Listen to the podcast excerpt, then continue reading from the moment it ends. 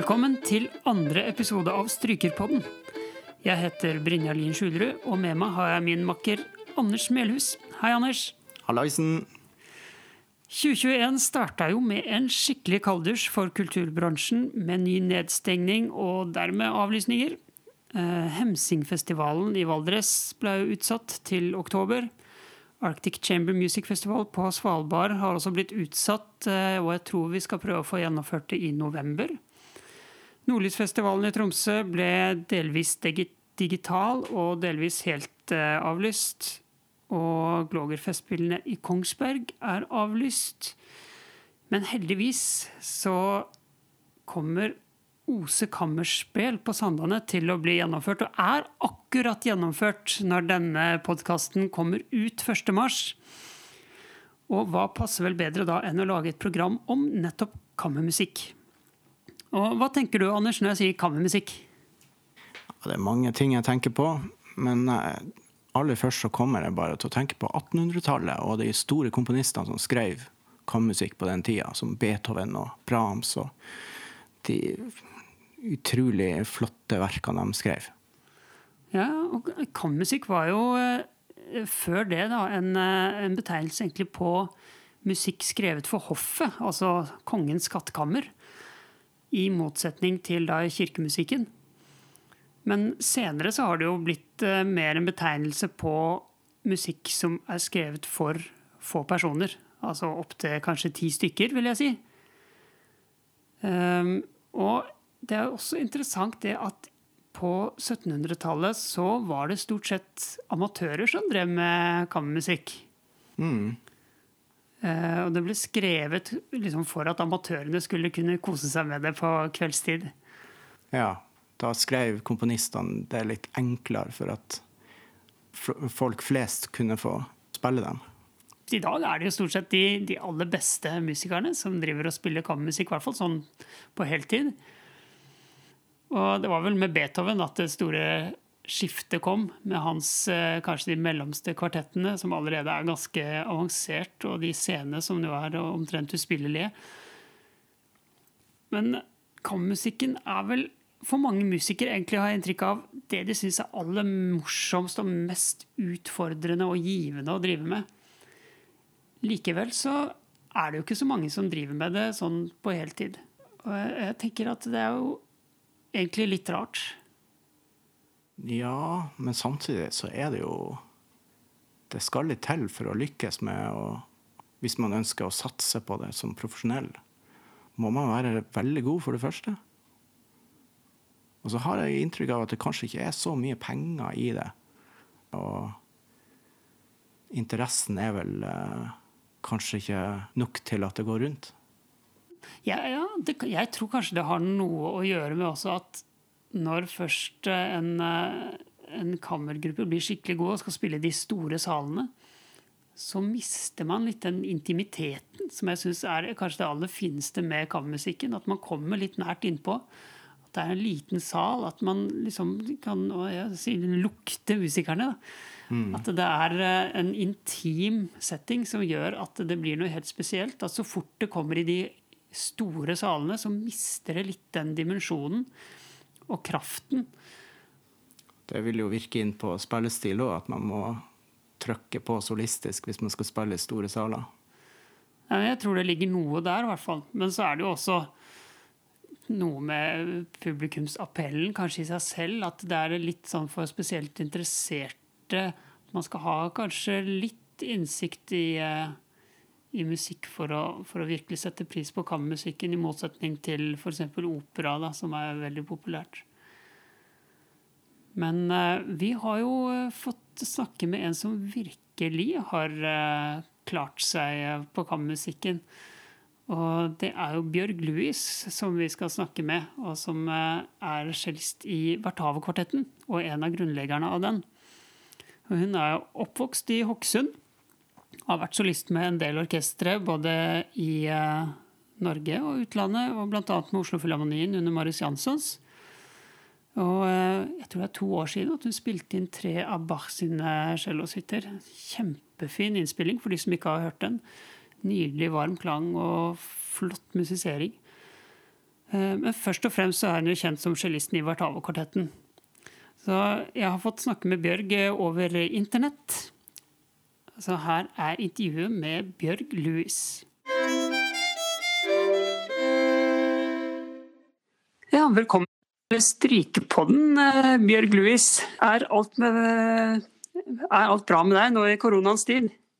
Ja, takk. Um, jeg føler jo at jeg kanskje har kommet godt unna, holdt jeg på å si. Jeg har jo uh, verken hatt uh, uh, korona eller liksom vært veldig sånn mer ramma enn andre, kan du si. Jeg har jo jeg har, altså, Sånn som frilansvirksomheten sånn, og strykekvartett og sånn har jo vært fryktelig vanskelig. Så, vi, så det, det, har jo ramma veldig mange.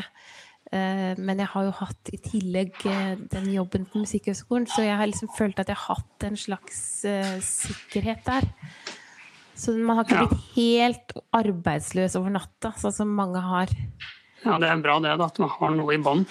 Ja, ikke sant. Så det har ikke vært så lett å være et, Ja, hadde det vært et par år tidligere, og både mannen min og jeg som, som ikke har faste jobber eh, og som, Vi hadde jo ikke greid oss nå, vi. Nei. For han f.eks., som da er engelsk, og det ikke er noe støtte i, Altså det er ikke noe sosial Altså hvis du taper all inntekt, så får du ingenting, ikke sant? Hvis du har eh, Du får ikke noe fortapt eh, inntekt eller en slags basic Så han har altså hatt null inntekt på et år, ikke sant? Ja, det er jo krise. Det er krise når, når lånet tikker og, og liksom utgiftene skal Så, så at vi så, ja, så det er mange grunner til å, å, å vende nesa til, tilbake til, til Norge, i hvert fall. Ja. ja. for du skulle jo vært her nå, egentlig. Vi skulle spilt sammen, hatt prøve i går og spilt festival sammen til helga. Ja. Men det gikk ikke helt sånn. Nei, altså det er et svare strev med denne reisinga, og det er klart det skal det jo være òg når det er pandemi. Men uh, jeg har jo eh, gjort det sånn tidligere at jeg har liksom testa meg både her før jeg reiser, og så når jeg lander på Gardermoen, og så igjen eh, etter noen dager i Oslo. Og sånn også har jeg vært sittet i karantene. Eh, men så blir det jo også sånn at det er så få fly å velge mellom at, eh, at de flyene som faktisk går, er jo proppfulle. Og da var det jo sånn nå denne gangen at jeg ble liksom eh, veid og funnet for lett. Jeg, fikk, jeg, hadde, jeg har jo to billetter, en for Sjælland og meg. Så hvis de har overbooka flyet, så er det veldig kjekt å ta av meg, og så sette inn en som er villig til å kanskje betale en type business class-billett. Ehm, så da, sånn ble det. Da var det plutselig ikke noen andre muligheter enn å dra tilbake igjen. Så vente på neste Nei, var, mulighet, liksom. Ja, det var kjipt. Eh, jeg hadde virkelig gleda meg til å spille med deg. Ja, det hadde vært veldig gøy. Ja, det er det. Eh, men det er jo altså Jeg sitter her alene i kjelleren til eh, atelieret til Magnus Nedregård, så det kan jo være litt sånn bakgrunnsstøy eh, hvis det kommer noen kunder her mens vi holder på, men det, det får vi bare leve med. Ja. ja det kan jo skje ting her òg, tror jeg, men vi får se. ja. Kan starte litt sånn fra begynnelsen. Hvorfor begynner man å spille selv når man bor i Hokksund? Eh, hva var det som gjorde at du starta i utgangspunktet? Um, jeg tror at det kanskje var Altså, jeg har jo en tvillingsøster, og vi vokste opp med å på en måte Vel, et hjem hvor det ble hørt mye på klassisk musikk, da, det skal sies. Så var, vi var jo liksom i et sånt miljø, men det var ingen som spilte noe. Um, men vi, eh, Berit og jeg, vi hadde veldig mye på en måte fri lek og fri liksom En veldig sånn fri barndom, på en måte, hvor vi liksom alltid kom på hva vi skulle gjøre nå, og hva gjør vi nå, og hva skal vi begynne med da? og Uh, og så hørte vi, når vi begynte på skolen, så hørte vi en som spilte trekkspill på skolen. Og en, en, som var i sjette klasse, og vi syntes det bare var så knallbra. Og så gikk da hjem og spurte om vi kunne begynne å spille noen instrumenter. Og da begynte Berit på fiolin, og da visste jo ikke jeg egentlig om at eh, liksom, hva, jeg, Skal jeg spille piano, jeg, da? tenkte jeg. Ja. Eh, for det, det, var det liksom det det var det jeg tenkte som var alternativ. Altså og, og så satte jeg meg ved piano. Det har jo stått i stua alltid. Og det var liksom på en måte ikke så spennende, mens Berit fikk jo liksom fiolin og så Alt var spennende, liksom. Buen og harpiksen og kassa og notestativ og slå det opp. Altså, det var så, var så mye som var nytt og spennende. Og piano var på en måte for meg ikke noe særlig Jeg ble liksom ikke noe inspirert. Jeg bare satt der og, og følte liksom at jeg ville gjøre noe annet. Så, og så når jeg kom på at jeg kunne spille cello, så var det jo Da var jeg liksom veldig motivert. Da var det Ja. å kjøre på. Så du begynte egentlig med piano først, og gikk over til cello. Ja. Hvor lenge spilte Så- du piano først? Kanskje Jeg spilte og spilte, fru Blom, men jeg kom jo ikke i gang ordentlig. Eller jeg hadde noen bøker og sånn da, som jeg drev- surra meg gjennom. Men, men ja, jeg begynte med cello når jeg var ti. Men mer eller mindre på, på bursdagen min så fikk jeg cello. Eh, og da tenkte jeg at eh, Og så hadde jeg noen plater og sånn, så tenkte jeg det her skal jeg, dette skal jeg gjøre, liksom. Og så hadde jeg en, en LP med Dvorsak cellokonsert og Kol Nidrøy, husker jeg. Ja. Så- Og jeg bare tenkte at når jeg liksom har spilt noe Hvis jeg kan klare å spille det her, så da, da er jeg fornøyd. Liksom, da kan jeg dø. Altså, da var jeg sånn skikkelig sånn, sånn sentimental. Og så Så det var liksom eh, Men du vet at når man, når man ikke har eh, musikere i familien, så, så står du på en måte fritt til å være veldig sånn barnslig i, i liksom hvordan du går i gang med det. Altså, og, og litt naiv når det gjelder hvor mye jobb ligger foran meg nå, liksom. Du vet ikke? Nei, ante ikke at folk drev og øvde så mange timer, ikke sant? Og at, det- at det liksom lå i kortene at det her kommer til å bli ganske ma masse arbeid. Ja, du var lykkelig uvitende om hva som venta, rett og slett. Og jeg tror at det kan være ganske sånn eh, Altså en velsignelse, det å på en måte bare få lov til å oppdage alt det der sjøl. Ja, det var ingen som hadde fortalt deg at du måtte 10 000 timer for å ha sjanse til å bli god. Nei, nei, heldigvis ikke. Kanskje like greit.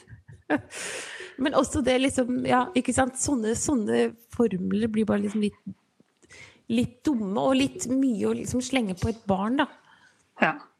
For at du begynner Ja. jo bare den ene enden av nøstet, og så begynner du der. Og der skal det være gøy, liksom. Mm. Men hvor mye har det betydd for deg at uh, du hadde en søster som dreiv med noe av det samme? Ja, det har nå vært veldig viktig. Fordi jeg tror vi Altså når vi ikke hadde foreldre som eh, liksom pressa oss eller ville noe spesielt at vi skulle stå på, så var det jo vel mer det at eh, hvis den ene av oss øvde, så måtte den andre òg, liksom, hvis du skjønner. Så vi dro jo hverandre veldig på den måten. Ja, Hvis man var litt slapp en dag, så liksom så, Og Berit plutselig begynte å øve, så tenkte jeg åh, nå, nå må jeg òg, altså. Det var liksom Og da fikk jeg liksom gjort det. Ja, var, det noe, var det noe, sånn konkurranse mellom dere, eller var det kun Ja, det var eh, liksom, jeg tror kanskje bare sånn at det, det var jo veldig dumt å ikke Altså først, I starten så hadde jeg liksom kanskje egentlig tenkt at jeg eh, Ja, fordi jeg hadde begynt litt seinere enn Berit, og sånn, så jeg var liksom litt eh, mer eh, Ja, jeg, tok det litt forsiktig i starten, kanskje. Men, men samtidig så tror jeg at, at jeg liksom ja, når jeg bestemte meg for at det her Når jeg ville liksom spille Dvorsak og sånn, så, så, så skjønte jeg vel det at eh, her gjelder det å egentlig ikke ta for lange pauser. Ja. Eh, Har, dere brukt hverandre som, sånn, som kritikere? Hjelper dere hverandre? Ja, vi gjør jo det ganske mye, faktisk. Og vi har eh, Og når, når jeg begynte å spille litt vanskeligere ting på cello, og jeg skulle eksempel fikk noen tyder, og det var liksom plutselig var ting i, i G-nøkkel, og jeg tenkte men i all verdens land og rike hvor er dette hen, liksom? Jeg, jeg skjønte jo ikke, liksom Celloen, det var bare på en måte et sånt eh, blankt ark, det, ikke sant? Ikke noen knapper, ingenting. Liksom. Det er bare sånn en slags følelse av hvor ting er. Mm. Eh, og da pleide Berit å spille på fela de notene, og så bare på en måte herma jeg, da. Ja, så, Så det ble aldri liksom sånn at jeg egentlig helt lærte meg et system. Det var mer sånn at jeg tok liksom Og så hendte det at hvis ikke hun kunne, så på, kanskje jeg spilte det inn på kassett. Du hadde sånn der eh, opptakskassettspiller hvor du trykker ned to knapper samtidig, og så Ja. Og så spilte jeg én og én tone på pianoet. Sånn, og sånn. For det Ja, så, så, sånn sakte, men sikkert, så Og så spilte vi jo veldig mye med hverandre, da. Det var jo sånn at hvis det var en konsert, eh, en cellokonsert eller en felekonsert, så tok vi alltid pianostemmen og spilte med Altså, jeg spilte opp med celloen da alltid. Kompa Berit på ting, og, og motsatt. ja. Så, at, eh, så det har nok hatt mye å si, tror jeg, for oss. Ja. Jeg har jo også søsken som spiller, og, og særlig med broren min så, så føler jeg en veldig sånn eh, trygghet for å få helt tilbakemeldinger. Mm. Eh, Ja, det er sant. Har du tenkt noe på det? Hvor heldige vi er sånn sett? Ja, ja det, er, det, er, det er noe, noe der. Altså en um, Og en veldig sånn eh, Ja, altså det er det, det er i det hele tatt det å, å vokse opp med en en frihet til å gjøre Altså kunne være akkurat den man er. Um, det er egentlig litt sjeldent, har jeg nesten lagt merke til. At, at, at man liksom får, får liksom være litt usensurert. Mm. Ja, det er ikke alltid like behagelig, men eh, det er en trygghet i det, syns jeg i hvert fall. Ja, ja for nå er det så veldig mye, nå er det så veldig mye voksenstyrt, allting. Så at liksom også det at det, du får liksom alltid et, et, en fasit. Et, et barn liksom spiller, så kommer voksne og så sier det sånn, sånn, sånn. Burde du heller ha gjort det. Men når man er barn, så er det sånn at du du gjør noe, og så snakker du med søsteren din som er like gammel, ikke sant? Og så, og så må du være kreativ og se kanskje fins det en løsning her.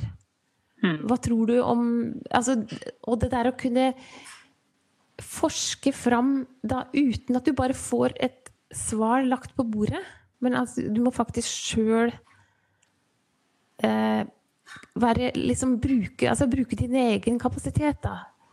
Det tror jeg har vært veldig viktig, selv om, jeg, selv om jeg forstår jo veldig godt at jeg ser jo også at de barna som eh, vokser opp nå og får to-tre spilletimer i uka, og det er et, et skikkelig kjør, eh, de blir jo kjempeflinke. Men jeg bare opplever kanskje at de Det der å lære å finne ut av problemene sjøl i tidlig alder er ganske nyttig. Det er i hvert fall ikke, det er hvert fall ikke bortkasta. Nei, det kan jo være et godt tips til våre lyttere. Det, å være litt kreativ sjøl. Ja, altså det, løsningen ligger hos en sjøl. Det er jo det, det, er det som er eh, nøkkelen. Du, bare et par sånne korte spørsmål. Favorittverk, har du det? Favorittverk Oi.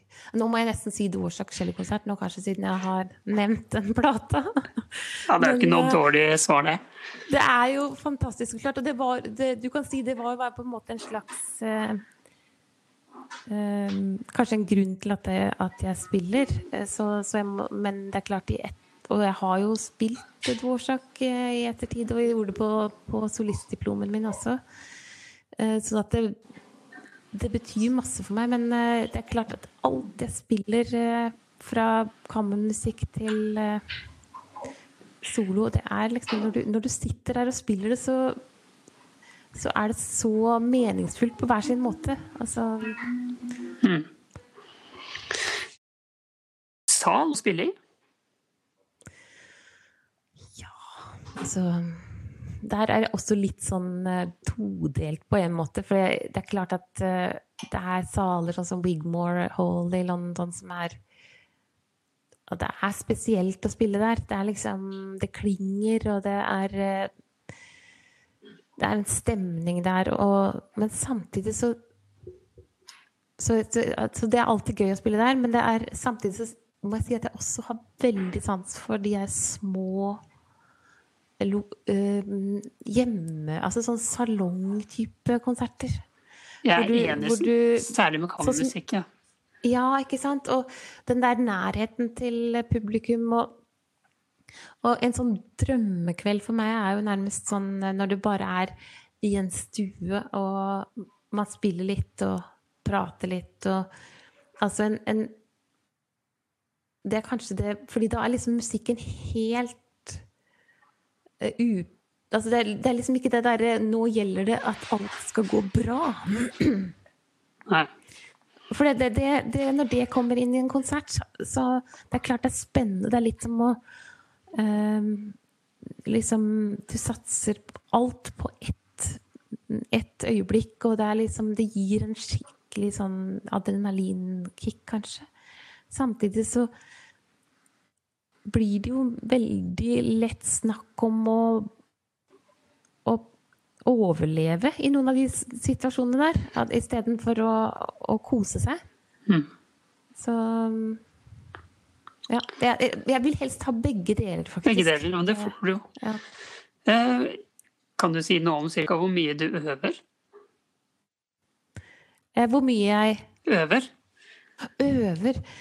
Oi, vet du hva. Her, det her er virkelig Det her året her um, med, med, covid um, Det har virkelig gjort noe sånn liksom helt radikalt med hvordan jeg har liksom Først, når det kom, og det ble liksom lockdown og sånn, så, så, og alt ble kansellert, så, så, satte jeg bare celloen fra meg i, på rommet og, og, tenkte OK, nå skal jeg ikke tenke på det, for det var liksom mye som ble borte. og mange ting man jobba imot som liksom plutselig ikke var der lenger. Sånn at det var litt sånn Ja, litt sånn, litt sånn halvgøy å tenke på cello.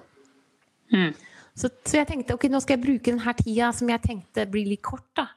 På å gå masse tur og, og gjøre masse annet. Og eh, det var liksom litt sånn eh, Alt var liksom så nytt, og vi tenkte ja, så det ble veldig mye, mye turgåing og, og, matlaging og liksom sånne ting. Veldig sånn nære ting.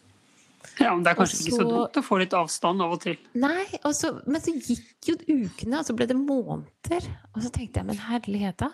Eh, så er det fortsatt ikke noen konserter? Og så liksom blir liksom mer Begynte jeg å bli litt redd for å gå bort til Kielland, for jeg tenkte hvis jeg tar i den nå, så kommer jeg til å bli så sinnssykt irritert på hvordan det låter, at uh, orker jeg det, liksom?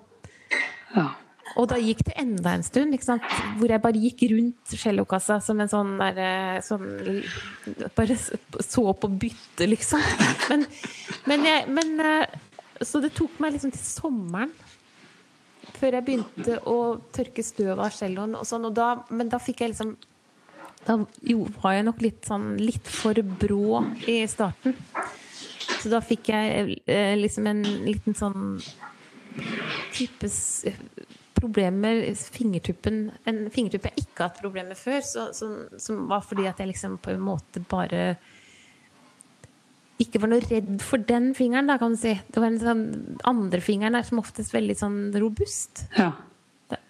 Det er liksom ofte de andre som kanskje er litt Så andrefingeren min har jeg liksom ofte lagt veldig mye liksom Har fått en stor del av arbeidsbyrden. Men, men det, den kan ikke det lenger, da. Men, men For det var liksom førstefingeren min som var litt dårlig før. Den har jeg hatt, alltid hatt problemer med.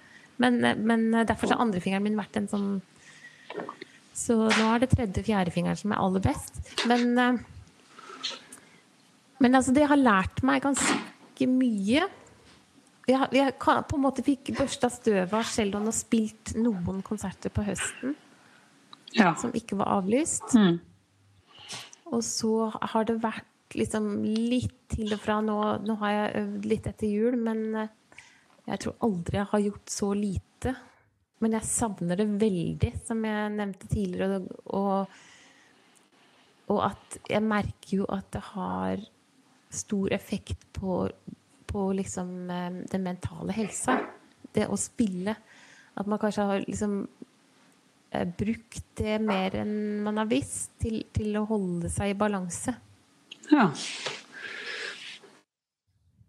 Men vi må jo komme inn på kvartetten, Vartave-kvartetten, som du har vært medlem av siden starten. Ja. Eh, hvordan var det det starta? Og vi, vi var eh, en del av en, eh, et kammerorkester som var sånn på en måte et kammerorkester for unge talenter på Østlandet. Eh, og da var det på konservatoriet den gangen eh, det eksisterte. Og Leif Jørgensen, en da en sånn felelærerguru som veldig mange unge gikk hos. Han starta det her kammerorkesteret. og Berit begynte hos han å spille fele. Så, så sånn, sånn, kom hun med der, og, så, og, da ble jeg liksom dratt med. For at liksom, evangelist-timen, det tar vi. Og så var jeg med i kammerorkesteret der. Og så var det liksom litt at Skal vi gjøre noe vi, vi, spiller litt bare vi. Først så spilte vi sekstetter. Da var vi eh, eh, Da spilte vi Brahms-sekstetter, og det er jo alle eh, unge menneskers drøm, så det var jo kjempegøy. Var det Leif Jørgensen som, som underviste da, eller? Nei, vi gjorde det helt på egen hånd, det. Bare sjøl, ja. Hvor gamle var dere da? Så det var Ellen Flesje og jeg på cello, og så var det liksom Nora Taksdal, og så var det Øyvor og Berit og Ja, så vi um, Det var liksom noe vi gjorde veldig på sånn egen maskin. Nok en gang det der som jeg tror er litt sunt, og det som gjør at Kanskje mye av grunnen til at kvartetten fortsatt eksisterer, var at det ikke var noe som vi bare gjorde for en lærer hver uke, men at vi faktisk egentlig nesten aldri hadde time. Vi, vi jobba veldig selvstendig. Ja, Hvor gamle var dere da? Vi var 14 og 15 da vi starta. Det er ganske tidlig det, for å, å, å, lære seg en Brahms-sekstett på egen hånd, vil jeg si. Ja, ja, altså det tenker jeg på nå. Altså, for jeg tenker jeg er ikke noe god til å lese noter egentlig, men jeg er ganske bra på å, å, å orientere meg sånn Hvor er alle de andre? Um, sånn at jeg tror at jeg må ha vært eh, ganske bra på å, å, flytte meg hvis jeg syns liksom at det ikke låt helt riktig. Så, og så satte vi jo i gang med Bartoks fjerde kvartett, da. Det, ok, ja. um, og, og, og Schuberts 'Piken og døden' var også et av de første stykkene vi spilte, og Mozart dissonanskvartett. Og, og, Dere hoppa rett og, i det, liksom? De store verkene? Ja. Du vet at når, da, når du liksom jobber med den, eh, den Det var jo det var mange ukers og mange sånne helger etter skolen, ikke sant? hvor vi bare dro f.eks. på toget opp til Hamar. Um, etter skolen og var hos Øyvor liksom fra fredag til, man, til Og så mandag hadde vi det her kammerorkesteret med, med, Leif Jørgensen, så da kunne vi fortsette å øve. Ja. Så vi kunne ha liksom fra fredag kveld til mandag kvartett. Eh, og da øvde vi jo gjerne 10-12 timer sant, på en dag. Og det som var kjekt da når vi var på Hamar, var at eh, Øyvor sin pappa han er jo egentlig bra på å lese noter. Han er jo musiker. Mm. Så han kunne forklare noen av disse her eh, verste og veldig mye av det som var i Bartok, som var ikke sant? Det er en som sitter og spiller i tretakt, og en som spiller i firetakt. Og, ja. og, ikke sant? Det er veldig vanskelig egentlig å Altså, vi lærte det på øret, det også, da, sånn at man kunne nesten synge det og, og, og holde sammen. Uh, men uh, ja, vi fikk hjelp uh, til bartokken, og så jobba vi jo Ja, men det var særlig det der at, at den inspirasjonen og det der drivkraften til å ville det sjøl som har vært kanskje det som har vært kvartettens styrke. Ja, egendrive. Uh, uh, jeg lurer på, hvordan forbereder du et kammermusikkstykke sånn for deg sjøl før du skal spille med kvartetten, eh, til forskjell fra hvordan du ville forberedt et uh, solorepertoar, f.eks.? Ja, det er ganske annerledes, faktisk. Um, altså Kammermusikk det kommer litt an på hvilket stykke, men som ofte så sørger jeg bare for at jeg kan spille notene. Um, at jeg veit liksom hva jeg skal spille. Og og så mye som mulig så må jeg kunne stemmen min veldig godt. Uh, men må liksom, jeg må ikke liksom ha tenkt gjennom hvordan jeg vil spille stemmen min, for å si det sånn. Du legger ikke noe tolkning i grunnen sånn fra starten av? Nei. Nei, det er um, det, er det, det, tekniske. Og så når vi begynte å spille sammen, så, så er det jo noe annet. Da, da, da driver vi liksom ja. Bruker du innspillinger og partitur? Og sånn det er liksom mer at jeg, jeg, hører på de andre tre. Jeg, jeg, hører, jeg spiller da stemmen min som jeg liksom på en måte kan litt utenat. Og så hører jeg på de andre tre, og så ser jeg liksom hvor jeg, hvor jeg legger inn Det er på en måte en slags um, En rolle som sånn uh, å være liksom båten, på en måte. Det der å liksom uh, få alt i havn, og så støtte de forskjellige soloene og de forskjellige akkordene på den måten som Sånn at, at det liksom blir en form på det. Og, og det kommer ofte liksom Og da kan jeg det, det er ganske mye man kan styre fra bassen på den måten at hvis jeg hvis jeg f.eks. For forandrer klangen i, i, i bass, bassen, i basslinja, så forandrer alle de andre klangene også, ut, uten at de merker det engang. Ikke sant? Hun manipulerer dem?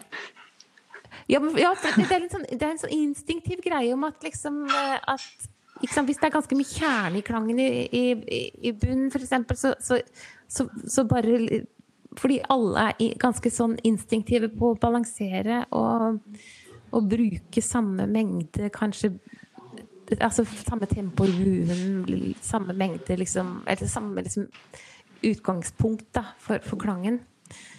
Og så kan jeg f.eks. hvis jeg trekker meg helt tilbake, så, så, merker jo alle det. Da er det jo akkurat som gulvet blir borte. Da, da blir du forsiktig.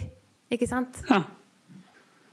Så, sånn sett så er det en veldig fin måte. Du føler liksom på en måte at du kan male musikk. Um, så det, det, det, er det som er morsomst med kammermusikk, syns jeg, når ingen merker hva jeg driver med. Men likevel blir påvirket av det? Men, men ikke sant, allikevel, ja, og føler seg trygge på at, at, når de spiller eh, Når jeg er der, at de føler seg trygge på at de kan spille så bra som mulig. Og det, det er noe av det liksom viktigste for meg. Det er at, at um, Og det som jeg kanskje setter mest pris på, er når, når folk liksom tenker at de uh, Som en kollega sa til meg en gang, at hun, hun føler at hun hun spiller bedre når jeg spiller med henne. Altså, det er liksom akkurat som på en måte, og det var ikke en kvartettkollega, men liksom, den, der, den, der, følelsen av at hun vet ikke helt hvorfor. Mm. Men det er, det er, liksom Det er det som er det fascinerende med det yrket her. At du Det er så små signaler, og det er så mye Det kommer jo an på hvor følsomme de andre menneskene er. Ja. Så klart. Det er jo noen som ikke merker noen ting, da. det er litt slitsomt. Og det er nesten litt morsomt. Ja. uh, hvordan er det dere øver når dere, når dere møtes? Du sier at du, du møter ganske bra i forhold til, eh, til uttrykk og karakter og sånne ting. Du lærer noe først og fremst, og du kan det veldig godt, så du kan måte, der og da lodde stemninga, på en måte. Har jeg forstått riktig? Ja. Og så, det en, en, så bruker vi faktisk ganske mye tid på bare helt sånn basics, som er veldig deilig også. Vi spiller sakte.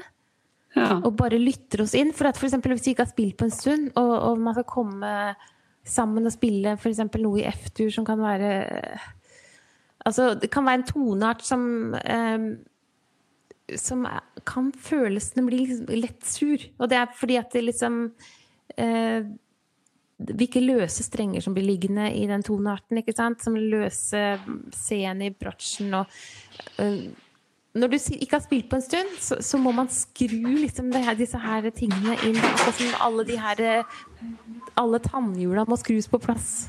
Ja, Så det, det er det, liksom, så, det dere starter med når du kommer? Bare spille langsomt sammen et eller annet i litt ja, så, så vi, da spiller vi gjerne det stykket vi skal spille, bare så sakte så vi hører oss inn. Altså, så ofte er det sånn at det begynner, og så tenker du liksom Oi, liksom, da er vi langt fra hverandre internasjonsmessig. Og så i løpet av satsen så begynner det å komme.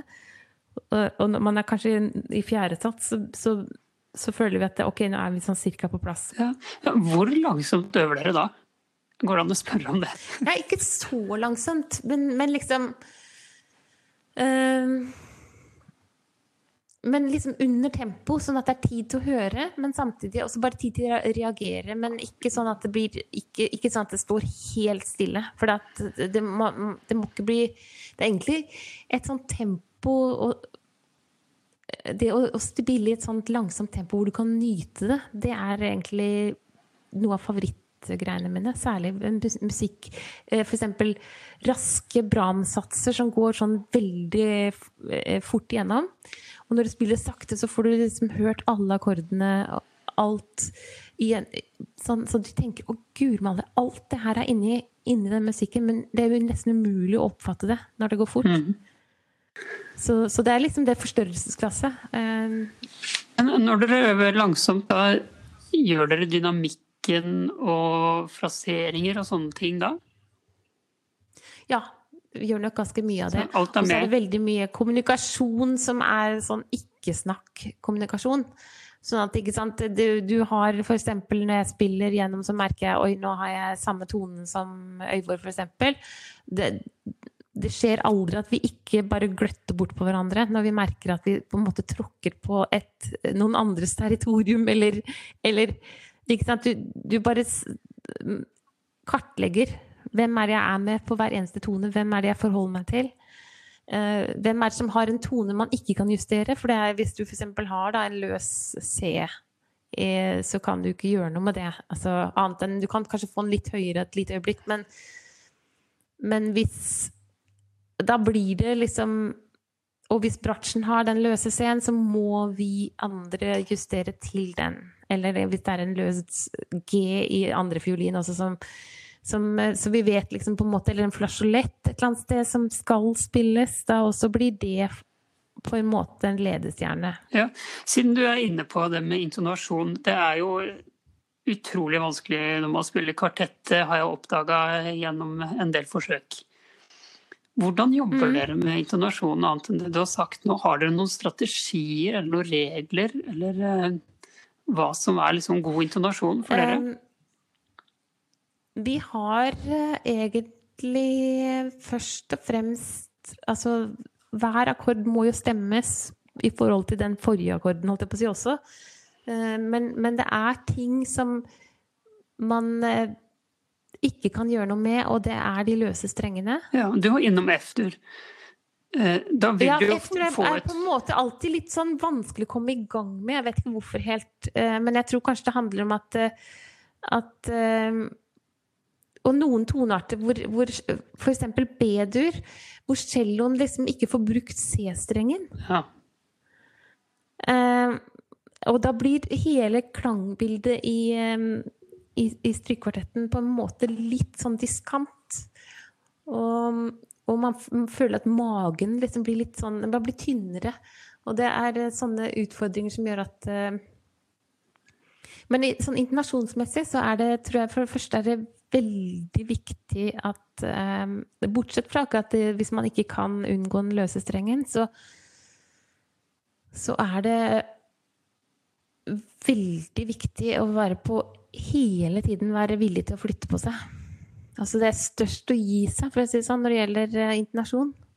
Fordi at det er, det er det når staheta kommer og sier 'men jeg spilte reint', jeg. Ja. Ikke sant? Sånn.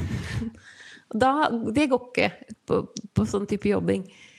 Så, så, sånn at um, er, alle må hele tiden være klare for å flytte på seg litt. Grann. Og, og det er ikke sånn at uh, man enten spiller reint eller surt. Det er snakk om hvor fort man justerer. Ja. Uh, spiller dere alltid renstemte akkorder, eller hender det at dere jenker på det for at melodien skal komme tydeligere frem, f.eks.? Og det er ganske mye av, av den ekspressive uh, type Altså, melodien er jo også samtidig, som vi sier, alltid lov til å bestemme, egentlig, hvordan uh, hvordan man vil Altså, man kan alltid spille veldig sånn melodisk eh, intonasjon i, i, melodiene. Og da tilpasser vi oss i det, altså eh, i kompet. Ja. Sånn at vi, vi, Det er liksom Det er en slags um, ja, det er, det er hele tida en sånn, eh, sånn kommunikasjon på, på, på, hvor man har For eksempel, la oss si at man ligger liksom med en sånn orgeltone, da, ligger lenge på én tone i bassen. Den kan jeg jo ikke justere på uten I hvert fall ikke uten å gjøre det veldig, veldig gradvis. Så det også binder jo f.eks. intonasjonen til uh, uh, Ja, du kan tenke deg f.eks. Uh, uh, åpningen i Smetana-kvartetten, der hvor Bratsjen har en stor solo. Mm. Uh, og der ligger jo uh, celloen først liksom Ja. Hele, altså ligger i liksom 16 takter på én tone, og så bytte ut til neste tone. ikke sant? Og da, da har ikke Bratsjen så mye valg annet enn å orientere seg til den tonen. Nei. Eller den akkorden som ligger. At ellers så blir det Det samme er jo Dvorsak-amerikaneren, da. At uh, den begynner Der ligger Shellam på F. Og så når bratsjen kommer med da, da, da, da, da, Så er det løs C der. Ja. Og den er jo den Ofte så kan jo ikke så, så, så, vet man jo ikke hvordan helt landet ligger før den løse C-en kommer. Og da er det for seint. Og da kan det plutselig være skikkelig surt. Og da, hvis jeg har satt feil Ja. F, da, på, på en måte så, så jeg, må, jeg må beregne den F-en i forhold til C-en. Sånn at hvis jeg, hvis jeg vet skal, skal spille den, så, så stemmer jeg til den løse C-en liksom på en måte i takter i forveien. Men da må jeg vite cirka hva slags F jeg må ha for, for at eh, for at det skal funke, da. Men vil den F-en da stemme med A-en? Ja, altså Det er det som er målet, da. At, at det her skal kunne stemme. Men den C-en må være stemt høyt. Ja, ikke sant? Eh, og det er det også som at det er veldig mye slakke bratsjstrenger der ute. Så det må stemmes skikkelig. Um, og der er vi kanskje også egentlig litt nøye med stemming. Ikke alltid så veldig mye på øvelser, men eh, før konsert og sånn. Ja, stemmer dere tett? det må være tett. Det må være Ja. tett. Det må, den løse E-en skal i prinsippet stemme med C-en. Såpass, ja. Men da stemmer man veldig tett. Da. Men du kan ikke, også, men kan ikke liksom si etterpå at nei, men jeg kan ikke noe for det, liksom. Det er, den er liksom for høy, den C-en. Og da, da sier jeg til elevene men det, hvis det er surt, så er det surt. Ikke sant? Ja. Eh, Det er ikke, det er ikke sånn at eh, det er, du er uskyldig fordi at det var løst. Ikke sant? Nei, det hjelper ikke å skylde på strengene etterpå. For det, liksom, det, er, det, er, det, er ikke på en måte, det gjør det ikke noe lettere å høre på, i hvert fall. At det er eh, løs streng. Nei. Nei, for det her tror jeg er noe som eh, mange har godt av å tenke litt mer over, også når man spiller eh, solomusikk. Ja. Eh, Ja, det er, det er faktisk Jeg syns det er ja, altså ubehagelig å bare høre på noe som, skal, som ligger litt skeivt hele veien. Selv om det er råflott spilt. Mm. Det er um, Ja. Men det er liksom hvor man har fokuset sitt liksom, i musikerkarrieren nå. Da. Det er liksom det er klart at du, du tenker veldig annerledes når du sitter i en kvartett og er villig til å flytte deg hele tida. Og villig til å forandre mening og villig til å, å justere på, på, på både klangfarge og intonasjon. eh, I, I forhold til å spille en solokonsert hvor du på en måte øver inn en sikkerhet, og så holder du på den. Og så skal de andre bare følge, ikke sant? Det er jo Ja, to forskjellige jobber, rett og slett. Ja. Uh, vi, skal, vi skal la intonasjonen ligge litt grann nå. Uh, Mm. For man kan jo fort bli litt i huet og jobbe lenge med intonasjonen, har jeg merka. Man eh, Ja. mister, man. mister retningssansen. Men eh, andre øvemetoder dere bruker, eh, hvordan er det dere kommer fram til altså at dette er vårt uttrykk i denne satsen, f.eks.? Hva er det som avgjør tolkningen deres? Det er også veldig mye sånn eh, kommunikasjon underveis, faktisk, når, eh, når vi spiller. At uh, f.eks. hvis man har en, en liten det er, Fordi det, altså det som vi prøver kanskje å gjøre minst mulig av i kvartetten, er å prate. Altså det blir alltid, hvis, hvis du kommer til et sted hvor det ikke går så bra, det er alltid bedre å spille det igjen. Ja. Enn, enn å begynne å diskutere det i hjel. At man, man kan prate, så klart, men du kan også samtidig, når man spiller igjennom, så kan du snakke sammen i løpet av den her eh, eh, gjennomspillingen. Sånn at f.eks. la oss si Berit spiller en, et lite motiv. Og så tenker jeg, men hva om vi lager liksom, eh, kanskje mer spikkato på de, eller, eller noe sånt. Så, så når jeg- får motivet, så kanskje gjør jeg litt mer spiccato. Og så svarer hun kanskje da med å gjøre en mellomting, for da har hun hørt at jeg gjorde det, og sier men hva om vi gjør litt imell midt imellom, da? Og så kanskje da er jeg enig, og så spiller jeg kanskje sånn som hun gjorde. Så da har vi allerede diskutert oss fram til en løsning på det problemet. Uten å si noe. Uten å si noen ting. Og det, men da, det forutsetter at når man sitter og spiller gjennom på prøvene, at vi, vi er våkne, og at vi snakker sammen der og da. Så det ikke er sånn at det, vi skal ta ned fela, og så skal vi begynne å snakke om vi skal ha prikk eller strek, for det, det gidder jeg ikke. Åh, det er godt å høre. Eh, Men Ja, det fordrer jo at man har en veldig oppmerksomhet, og jeg kaller det sånn musikalsk radar. At man klarer å oppfatte, prosessere og respondere på det man hører. Fins det Ja. noen måte å øve opp den? jeg tror det må være Det må være mest eh, Det er at man må være så ekstremt interessert i det de andre driver med. Jeg tror det er mest det. Eh, Jeg tror det er mest det det går på. At eh, hvis du sitter og tenker på hva du skal ha til middag, eh, så, så får du ikke med deg det. Du kan fortsatt spille fint, ikke sant? Men hvis du er utrolig interessert mens man spiller og er, Jeg har merka det mange ganger at det er ikke gitt at alle føler at de er like liksom, interessert i, i alle mulige kammermusikksammenhenger, men, men den derre iveren etter å, å finne ut hva, hva hva skjer her? Liksom, og hva skal vi gjøre med denne tonen? Eller hva, hvordan skal vi intonere dette her? Eller, eller, eller, eller artikulasjonen, eller frasen, eller høydepunktet. Um, alt det der er så fint å å bare i, lytte seg fram til og diskutere ikke-verbalt. For det, det der eh, Oftest har det litt liv av moroa, denne praten. praten.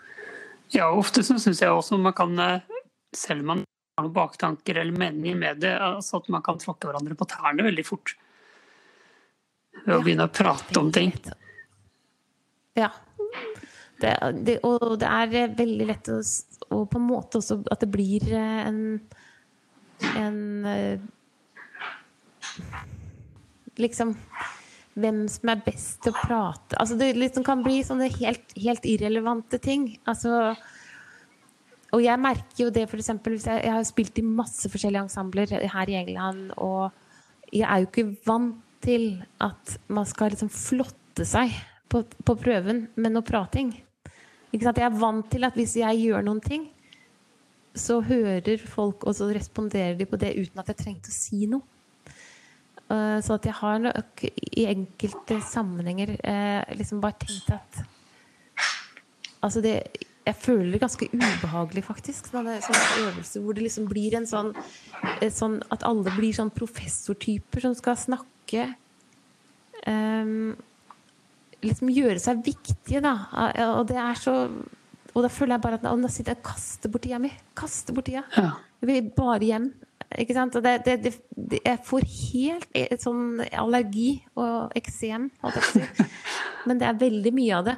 Det er veldig mye av sånn, sånn eh, eh, Ikke sant eh, Liksom jeg, jeg det, It should liksom always Eller it should never. Og sånn, sånn type prating. Og så tenker jeg bare allerede når de begynner sånn, så, så jeg liksom bare si et eller annet veldig frekt. Ja, de kommer med en sannhet.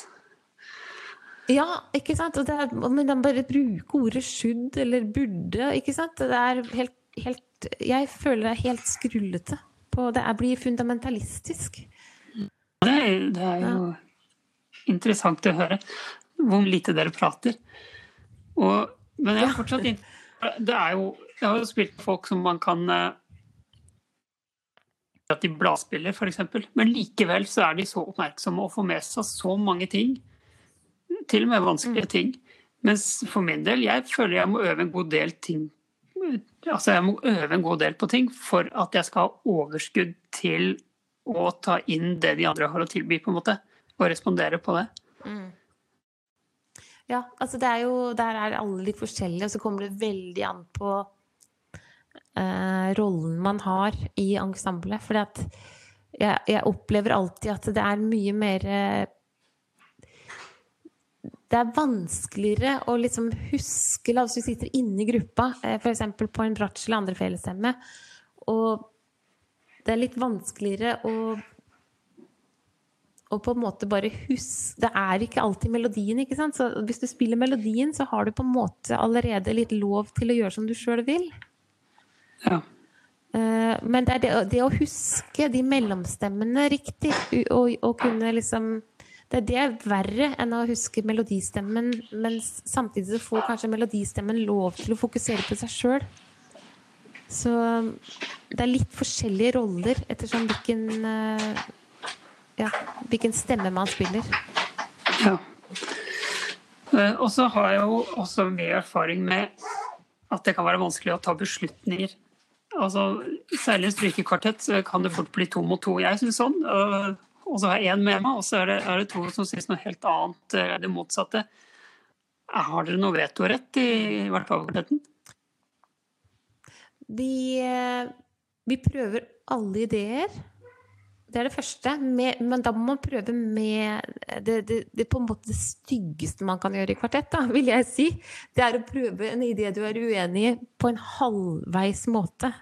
Ja, for det blir jo ofte Hvis man ikke liker ideen, så prøver man ikke så hardt.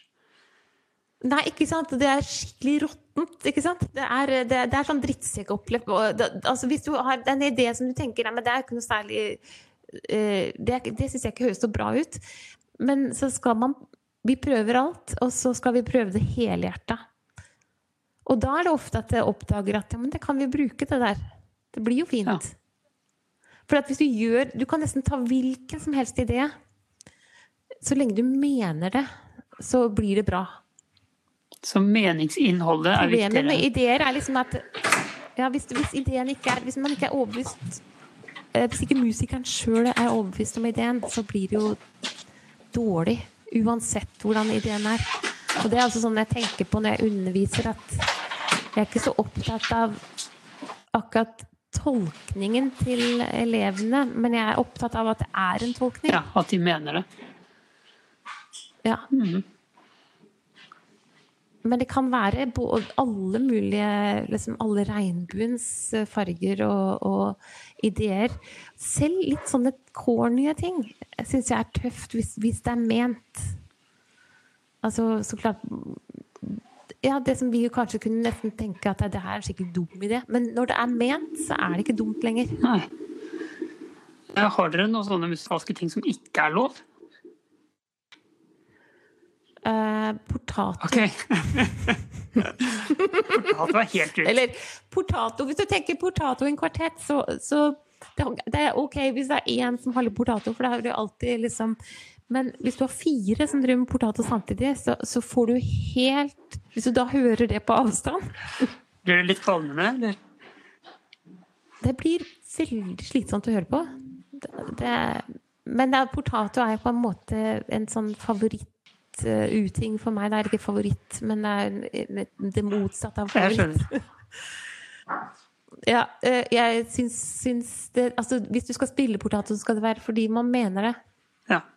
Ikke fordi at bare hånda gjør noe, eller sam, sånn Og så er det det altså med sløsing av bue. Det syns jeg er eh, Hvis det ikke er sånn at man virkelig skal spille veldig flautando,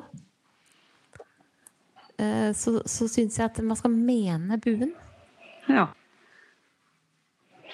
Og da bør heller snu, da, hvis man ikke er ferdig med boomen. Det er noen som alltid slenger ned den siste biten, bare for ordens skyld. Ja, man skal bruke opp resten, liksom?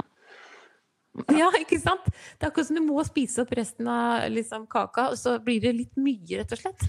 Ja, det fører jo gjerne til at man får litt sånn ufrivillige aksenter og den type ja, ting. Ja, så blir en frase som blir mm. dårlig da, ikke sant. For eh, det var så ville bare strekke ut armen litt. Ja. Liksom. Har dere, hvordan er dynamikken i gruppa? Har dere noen som gjerne bestemmer mer enn andre, eller har dere noe intonasjonspoliti, eller eh, Ja, noen som, som aldri sier så veldig mye i det hele tatt. Ja, vi har Vi har eh, forskjellige roller. Det har vi. Jeg tror at, at Jeg tror nok at, på, at de andre skulle si at jeg nok er en litt sånn kontrollfrik på en måte. Men det som gjør at jeg kanskje kommer liksom unna med det, er jo at jeg ikke sitter med melodistemmen. Ja. Jeg tror ofte hvis du sitter og veiver på førstefele og forteller alle hvordan de skal spille, så er det litt, på en måte litt mer sånn ja, sjefete på Jeg tror når du kommer fra en rolle hvor du er villig til å støtte de andre 100 eh, og de vet det, så tåler, tåler man også mer eh, liksom Kanskje input, da. Ja. ja, for jeg har vært borti, borti grupper der det er liksom veldig sånn førstefele bestemmer alt-type. Ja, uff. Og, ja, og at, liksom, skal, at ting skal ledes fra førstefelle i sånn grad at det er upraktisk. Fordi at innimellom så er det jo helt supert, så klart, men eh, noen ganger så er det bare upraktisk. Ja. Altså for eksempel hvis det er noen andre som har soloen, eller eh, Ja, så er, vi, vi er nok veldig forskjellige, og så er det som man har jo sine dager når man er av og på litt. Og da er det jo eh, noen andre som Altså liksom eh, Man tar jo liksom den rollen som trengs. Ja. Eh, Men dere er jo etablert gruppe. Hvordan er det man spiller med andre eh, og merker at altså folk man ikke kjenner så godt når man møter på festival f.eks. Merker at her er det fullstendig skeiv rollefordeling i gruppa. Her er det noen som bare tar alt, Ja. og så er det noen som gjemmer seg i en krok. Hvordan forholder man seg til det? Ja, det, er veld, det, er, det er veldig mye eh, På en måte veldig mye litt sånn triste ting også, som jeg, jeg føler liksom at jeg, at jeg liksom tenker Hvordan orker de dette, liksom? Eh, Men eh, det er kanskje Altså det er, det er igjen det der Det som jeg syns er verst, det er kanskje egentlig bare hvor at man Altså at hvis man prater på en måte som ikke er eh, konstruktiv Fordi at det, å prate Og det er ofte det jeg føler at, eh, at ødelegger litt. Det er den praten. For det er så lett å si litt sånn dumme ting. En annen ting som ikke er så veldig lurt i ensemblet, er kanskje å gjøre narr av hverandre. Sånn på en måte herme på, på en negativ måte. Men det er en helt annen ting. Det er mange måter å være borti på, det ofte. Men eh, det er kanskje én. Nei, altså ikke Det skjer jo. Men liksom, eh, hvis det er noen som f.eks. gjør en bommert, da. Så, så klart at det, Noen ganger så tuller vi med det i kvartetten òg. Vi, vi tuller jo hvis det er en som på en måte gjør en skikkelig feil. Og så da gjør alle den samme feilen. Ikke sant? På konsert? Ja, ikke akkurat på konsert, kanskje, men Men, eh, men eh, helt klart i prøvesituasjoner. Men eh, Ja, jeg, jeg har fått noen sånne stikk av min bror også opp igjennom. Og det Ja. kan jo være morsomt og ikke så morsomt. Ja. Eh, Men eh, når det kommer til konserter, eh, blir dere nervøse fortsatt? Og blir man ekstra nervøs fordi at man ikke vil Altså at man blir redd for å ødelegge for de andre, eller er det sånn at man mer deler nervøsiteten på fire? Jeg tror kanskje man deler der. Jeg tror ikke jeg er redd for å ødelegge for de andre. Eh, og det håper jeg ikke de andre er heller. Altså, jeg tror det er mer at vi, vi Det er akkurat som du går litt sånn inn i en sånn boble, og nå skal vi eh, Man blir et veldig sånt lag. Nå er det bare oss fire. Og så kan man være så nervøs man bare vil inni der. Og det er klart at nervene er akkurat de samme som, som de alltid har vært. Ja. Du, på konserten, hvor mye frihet har dere? Eh, Er det lov til å gjøre ting som muligens kan risikere å sette ut de andre? Ja, det er det. Og eh, tanken er at de ikke skal kunne sette ut de andre, da, heldigvis. Men eh, hvis du har solo, så har du lov til å gjøre hva som Akkurat hva helst. du vil. Eh, Ja, og da er det jo kanskje nesten til og med sånn at du kan ikke gjøre det du gjorde kvelden før. Ja. For det blir jo da Altså, plagiat. Det blir liksom, du, du føler at du kjeder kollegaene dine. Hvis du skjønner? Ja. At det er jo innenfor en viss ramme, da, selvsagt, men at, at det er litt grann, eh, At alle skal liksom holde seg våkne, så kan du ikke bare ta den formelen som man har gjort en gang før. Altså, du vil egentlig forventet at du er kreativ der og da. Ja. Det er forventet at, at man ikke gjør, absolutt ikke gjør noe som man har gjort før. Ja. Ja, det er kult. Det liker jeg. Endrer dere mye Ja. på hvordan dere spiller ut ifra hvordan akustikken i lokalet er? Ikke så mye. Ikke så mye. En, en dårlig akustikk, det er en dårlig akustikk. Eh, altså, vi kanskje Da reagerer du jo instinktivt med å prøve å spille litt mindre scratchy og liksom prøve å, å runde av litt ting og sånn. Så bare det som man gjør eh, instinktivt, vil jeg si eh, liksom er Er eh, Ja. Men dere gidder ikke å gå ut og høre Nå hørte du at det var liksom en, en sønn og en mann i gangen der, så ble liksom tenkt oh, ja. det er, men det er ikke sånn at dere går ut og hører for å høre liksom, om dere må artikulere mer, eller Nei, vi går ikke ut i, altså, veldig sjelden ut i salen for å høre om Fordi du, hvis det ikke høres riktig ut der vi sitter, eh, så høres det ikke riktig ut. Og jeg tror at det eneste, eneste man må lære seg, er kanskje å vurdere hva som skjer med den klangen du skaper helt lokalt. Liksom lære seg hvordan blir all balansen her nå. Ikke sant? Og noen ganger så hvis man hører hverandre dårlig, så må du nærmest gjette. Hvor ligger de andre på sånn volummessig nå? Ja. Fordi at selv, hvis jeg hører eksempel meg sjøl veldig godt, ehm, og ikke så godt de andre, og jeg, så kanskje trekker jeg meg litt, men samtidig så tenker jeg de andre må jo også spiller sikkert også nå. Altså jeg må, så må jeg sitte og vurdere det litt der og da. Det, det hjelper liksom ikke om, om en i salen kommer ut og sier uh, kanskje litt mindre bratsj eller et eller annet sånt. For det, hvis det ikke høres riktig ut der vi sitter, så det er det eneste vurderingen du kan gjøre, er der du sitter. Um, så sånn helt til slutt eh, Har du noe sånn et, eh, et som liksom sitter ekstra sterkt, at det var slags, et slags høydepunkt? Som bare da stemte alt?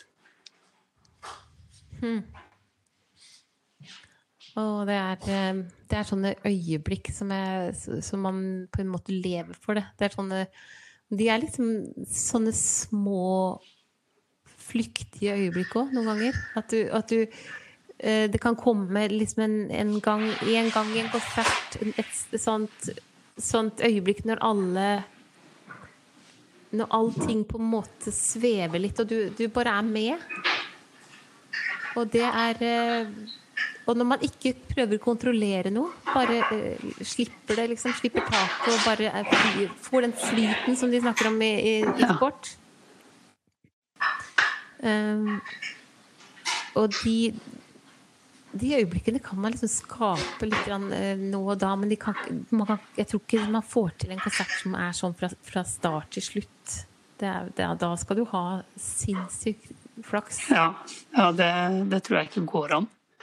For det er liksom, plutselig så kommer det en praktisk tanke inn, og man tenker eh, liksom Oi, liksom, eller et eller annet. Ikke sant? Men, men de øyeblikkene hvor du på en måte er nesten eh, i en slags sånn meditativ tilstand, da, de er jo veldig sunn, sånn helsebringende. Jeg traff en, en type en gang som drev med meditasjon, og han hadde øvd i fire år på å finne liksom det her punktet hvor han kunne sone helt inn eller ut, eller et eller annet sånt. Og han jobba på kjøkkenet i en festival jeg spilte på i Belgia. Han, han um, sa Jeg har jobba fire år. Han satt hver dag timevis på en stol ute i hagen. Men han sa dere trenger jo ikke gjøre det, dere. For han sa dere gjør det jo hver dag når dere spiller. Da tenkte jeg fy søren så heldige vi er. Det er ikke rart at vi, vi blir litt sånn mugne når vi ikke får spilt. Ja, så det gjelder å få vekk tankene. Har du noen råd til unge musikere som ønsker og drømmer om en karriere som kammermusiker? Ja, jeg tror det mitt mest Altså Det beste rådet jeg kan gi, det er jo så klart det å Å finne gleden i det å støtte hverandre 100 og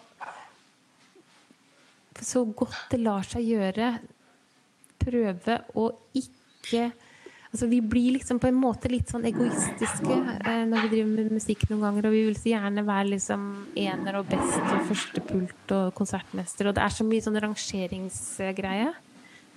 Det er så mye om å gjøre å stå foran.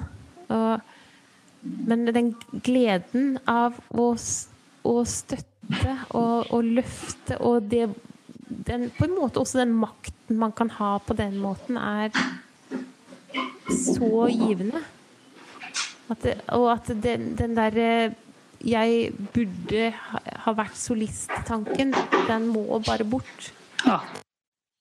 Og til slutt her. Tusen takk for at du ville stille opp i Strykerpodden. Eh, det har vært, det har vært så hyggelig å prate med deg. Så håper vi at den koronaen slutter snart, og at eh, vi kan komme tilbake til normal spilling. Ja, det er virkelig sant.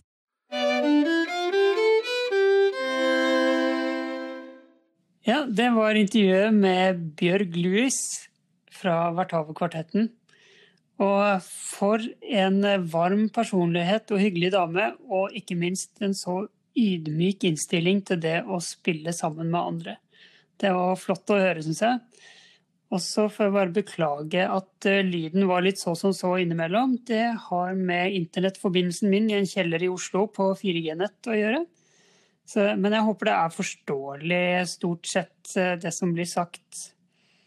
Og Anders, hva var det du bet deg mest merke i uh, i dette intervjuet? Oi, det var mange ting jeg syns det er interessant å høre en uh, musiker som har spilt så mye kammermusikk fra å være bitte lita, og høre da hva som skal til for å virkelig musisere bra i lag. Hvor, hvor, ydmyk man må være, og hvor sensitiv man må være på hverandre sitt spill. Um, jeg beit meg merke i et sånt sitat angående intonasjon. At alle må hele tida være klar for å flytte på seg eh, lite grann. Og uh, det er ikke sånn at man enten spiller rent eller surt, det er snakk om hvor fort man justerer. Og uh, sånn bør det nesten Sånne antenner må, må, man nesten ha for å virkelig spille bra kammermusikk i lag. Og hele tida være villig til å uh, gir slipp på sine egne tanker om hvordan musikken skal gå, men at det alltid er en uh, påvirkning fra alle musikerne. Ja, jeg syns jo det, det hørtes veldig fint ut at alle musikerne er så sensitive og så lydhøre for hverandre at man egentlig nesten ikke trenger å snakke på prøvene. Ja, det likte jeg òg å høre, at, eh, at det at det er mulig da, at man kan uh, kommunisere gjennom musikken mer enn å, enn å prate. Mm. Og der tror jeg vi har veldig mye å lære i orkestrene, blant annet. Og hvor mye vi prater, og hvor mye vi liksom skal instrueres hele tida. For det å bare lytte seg fram til hvordan det må være. Ja, det er vel dirigentens oppgave å kunne vise musikken mer enn å slå av og fortelle hvordan, hvordan han tenker. Eller hun. ja. Eh, og så tenkte jeg på det altså, de, de, hadde jo nesten ikke lærer i starten. De, de fant ut hvordan man skulle gjøre det her på egen hånd. Som 14-åringer. Ja, det er veldig tidlig, altså. Ja. Men kanskje man faktisk lærer seg ting bedre hvis man er nødt til å forske litt og finne ut av ting sjæl, istedenfor at noen kommer og trer en fasit over huet på deg. Ja. Men, eh, ja, nei, men eh, utrolig fint intervju, i hvert fall. Eh, lærerikt og fascinerende å høre hvordan de jobber, de som er så tett på hverandre og har jobba sammen så lenge. Ja, det var virkelig et flott intervju med mye kunnskap som ble formidla. Mye man kan lære av de.